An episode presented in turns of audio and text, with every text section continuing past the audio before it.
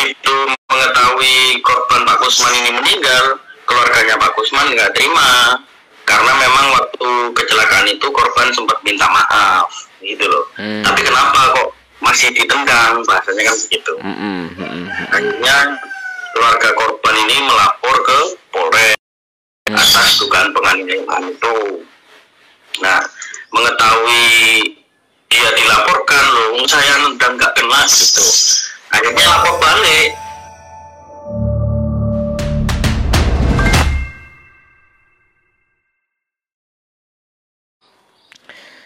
Ya, Assalamualaikum warahmatullahi wabarakatuh. Pulau Warmo, apa kabar Anda hari ini? Hari Rabu 10 Agustus 2022 Kita jumpa lagi dengan Ngopi edisi hari Rabu ini Pulau Warmo, ada banyak informasi dan peristiwa yang menarik Yang kita sajikan mulai hari Selasa kemarin sampai Rabu pagi ini Beberapa informasi menarik ini kayaknya datang dari berbagai daerah ya. Salah satunya adalah Probolinggo ini yang paling eh, lagi menjadi trending topik kita, yakni terkait kecelakaan lalu lintas yang melibatkan antara guru dan purnawirawan TNI. Kita akan mendalami informasi ini dengan mengupdate mengupdate-nya langsung nanti bersama teman-teman Warta Bromo yang ada di lokasi gitu ya yang meliput kejadian ini. Eh, Pulau Warmo semuanya, saya akan membacakan beberapa informasi lainnya ya. Jadi di antara yang nanti akan kita bahas termasuk sampai di mana kasus ini karena kecelakaan ini ternyata berujung kepada pelaporan balik gitu, gitu begitu. Jadi kronologi yang sempat disampaikan oleh Kanit Lantas atau Kanit Laka Polres Probolinggo ternyata berujung orang yang diduga e, menjadi apa ya terlibat lah dalam kecelakaan itu ternyata tidak terima ini. Dikatakan sempat menendang sempat kemudian mengakibatkan tewasnya sang purnawirawan gitu. E, selain berita itu tadi ada banyak sih. Kita akan membahasnya juga soal ini mulai dipasangnya tilang elektronik di kota Pasuruan akan dipasang di dua titik. Wah ini kalau sudah dipasang di dua titik ini iso gak iso ngilang ini. Gak iso menggok ini. Selain itu juga ada ini ya kemarin kecelakaan lalu lintas yang terjadi di jalan tol Kejapanan. Kita akan e, menghubungi rekan saya yang sudah ada di ujung sana Mas Laili Tunsa atau biasa kita panggil Mas Happy karena selalu ceria orangnya. Selamat pagi Mas Happy, apa kabar ini pagi ini? Selamat pagi Bapak. Iya, sehat ya? Alhamdulillah, Mm -mm. baik-baik saja. Mari atus apa turun nih? Sudah dong, iya. itu masih mandi. Oh gitu. Mas, ini kan Ya. gini, ini kan kayak menarik karena memang eh, kok tiba-tiba aja yang terlibat ya dalam kecelakaan yang terjadi di Kanigaran ya Sukoharjo, Jalan Sukoharjo itu eh Bu Guru sama Purnawirawan TNI ya itu. Iya betul Pak. Nah, kemudian yang versi awal yang disampaikan oleh eh, keterangan yang didapatkan ini katanya sempat dilakukan apa sempat melakukan apa ya kontak fisik ya dan apa gitu. Kemudian sekarang katanya dilaporkan. Gimana ceritanya itu Mas Ebi? Yang kita dapatkan ya, yang kita dapatkan awalnya keterangan dari polisi, kemudian fakta yang kayak apa Mas Ebi? Eh, jadi memang ada dua versi yang kita Hmm. dapatkan itu Pak. Yang Ya. versi pertama itu senggolan setir. Nggih, motornya rubuh. Bapak-bapak itu yang korban itu. Mm-mm. Nah, si ibu nggak terima karena habis gitu loh. Oh, Nah, akhirnya cekcok, ditendang. Setelah ditendang itu korban kejang-kejang terus meninggal. Nah, versi kedua menurut dari apa yang ibu-ibu ini, Mm-mm. Bu Kasiyama ini, Bokasiama. memang bukan bukan senggolan setir, tapi beliau ditabrak dari belakang sama korban ini. Hmm. Karena baik pakai baju gamis itu kan akhirnya repot. Mm-mm. Si bukan jengkel juga kan udah tahu jalan seperti itu kok masih ditabrak gitu loh dan di depan SD itu lokasinya itu SD tempat si ibu ini ngajar berarti ya betul Oh. nah posisinya kalau pagi se- sepengetahuan saya di situ sudah ada ada penjaga biasanya yang menyeberangkan anak-anak itu. Hmm, hmm, hmm, dari belakang jatuh cek sempat ditendang tapi nggak kena. Eh, gitu loh. Versinya bukan siapa ini nggak kena. Heeh, heeh. Nah, sampai akhirnya begitu mengetahui korban Pak Kusman ini meninggal, keluarganya Pak Kusman nggak terima karena memang waktu kecelakaan itu korban sempat minta maaf, gitu loh. Hmm. Tapi kenapa kok masih ditendang? Bahasanya kan begitu. Hmm, hmm, hmm, hmm. Akhirnya keluarga korban ini melapor ke Polres atas dugaan penganiayaan itu. Nah, mengetahui dia dilaporkan loh, saya nendang nggak kena gitu. Akhirnya lapor balik. Hmm, Pak Bu Kasyama ini menunjuk kuasa hukum hmm, hmm. untuk melaporkan balik kejadian itu. Nah, di sini yang di kasar lantas kan laka sama saksi saksi yang ada waktu kejadian itu yang diperiksa polisi gitu loh. Oh.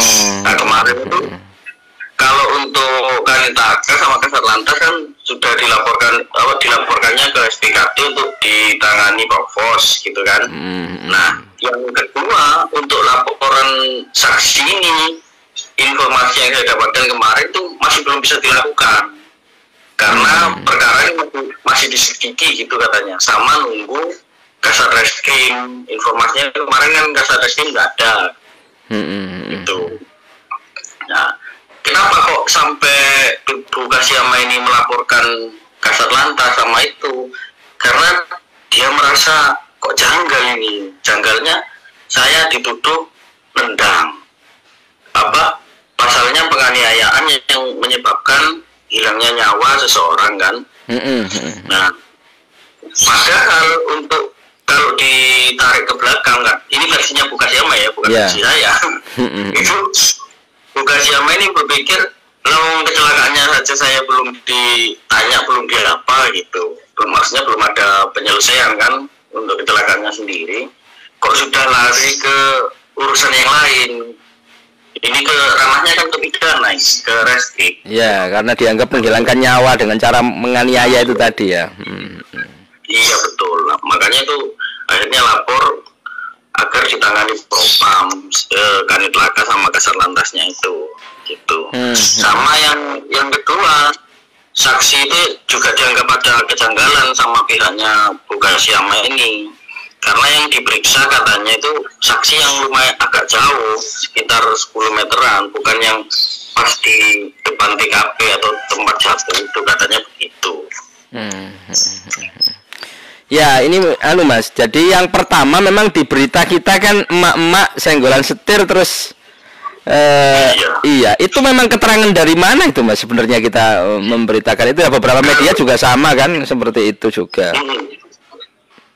Kalau yang senggolan setir atau keterangan kronologis pertama itu dari Kanit Laka memang. Oh Saya, hmm, saya coba kontak, kan kejadiannya pagi itu. hmm, hmm, Nah, hmm. saya coba kontak Kanit Laka waktu itu karena baru dengar kan siangnya baru dengar, saya coba kon- kontak Laka.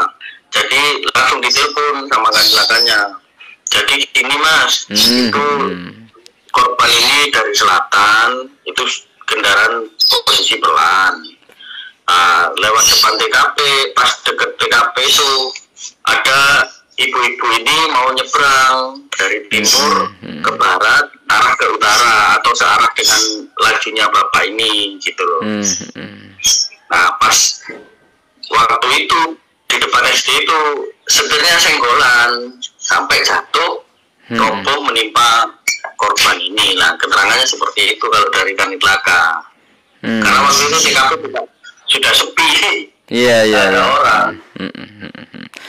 Akhirnya memang eh, dengan pernyataan-pernyataan dari pihak versi polisi ini kemudian si ibu ini akhirnya melaporkan ya pernyataan dari Kanit Telaka, kemudian Kasat Lantas juga dan juga akhirnya si apa keluarga korban Bapak Purnawirawan TNI ini Pak siapa? Pak Kusnan. Bener siapa? Ya?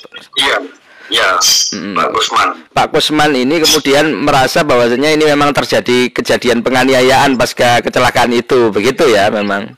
Hmm. Tapi dari hasil yang sekarang sudah berjalan, apakah memang ada saksi yang menyatakan di luar ini ya, di luar yang berkonflik tadi, ada enggak yang di sekolahan itu? Memang belum ada ya sampai sejauh ini ya, terangan Belum ada jauh ini. Belum ada. Jadi yang memberikan saksi itu katanya si ibu ini jauh ya dari lokasi kejadian itu gitu. Iya, kalau berdasarkan apa kuasa hukumnya Bu Kasyama ini bilangnya begitu. Hmm. Tapi ketika sudah dilaporkan ini Bu Kasiyama sudah pernah dipanggil lah sama reskrim belum ya? Belum, belum. Karena masih apa kalau reskrim diri sendiri waktu itu kan infonya ya masih memeriksa saksi sama nunggu hasil otopsi itu kan. Hmm, hmm, hmm, hmm. Gitu. Nah, Pak Kusman sendiri itu meninggalnya tidak langsung di lokasi berarti ya? Sempat setelah jatuh terus dibawa ke rumah sakit begitu?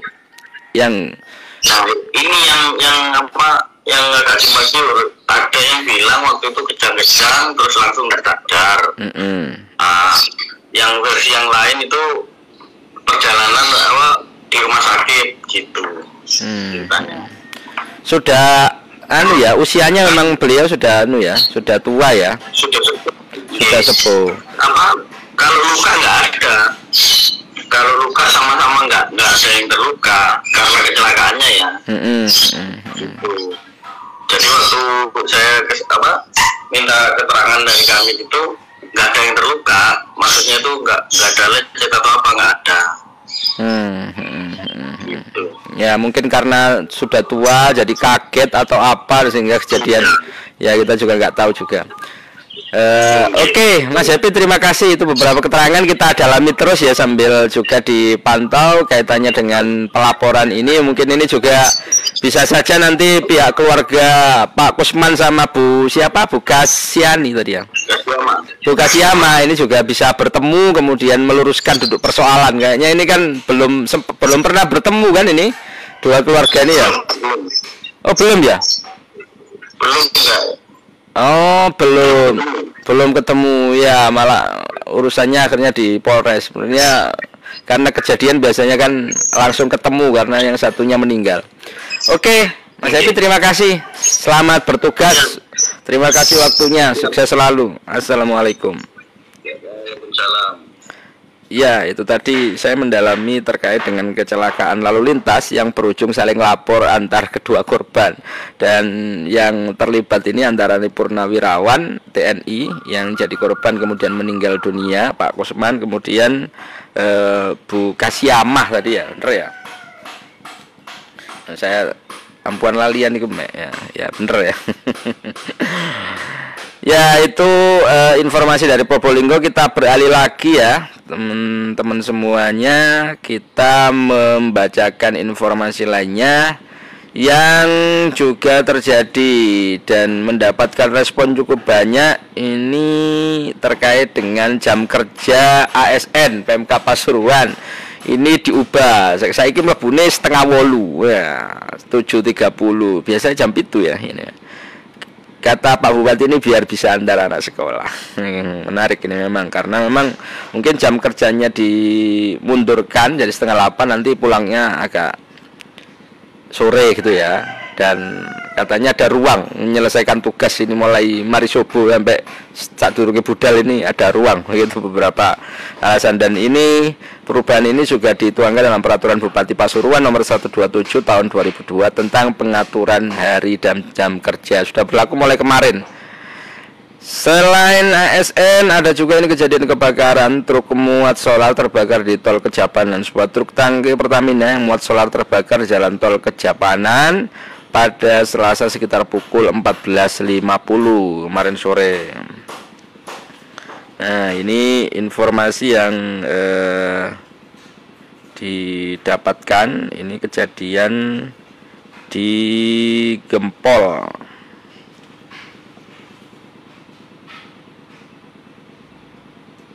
Kasat PJR di Telantas Polda Jatim BP Dwi Sumrahadi membeberkan untuk tangki bernomor L8831AK itu melaju dari Surabaya menuju Malang. Jadi kobong di tengah jalan ini ya. Truk yang dimundikan oleh Alek Hati itu memuat solar. Waduh, sebanyak 8000 liter.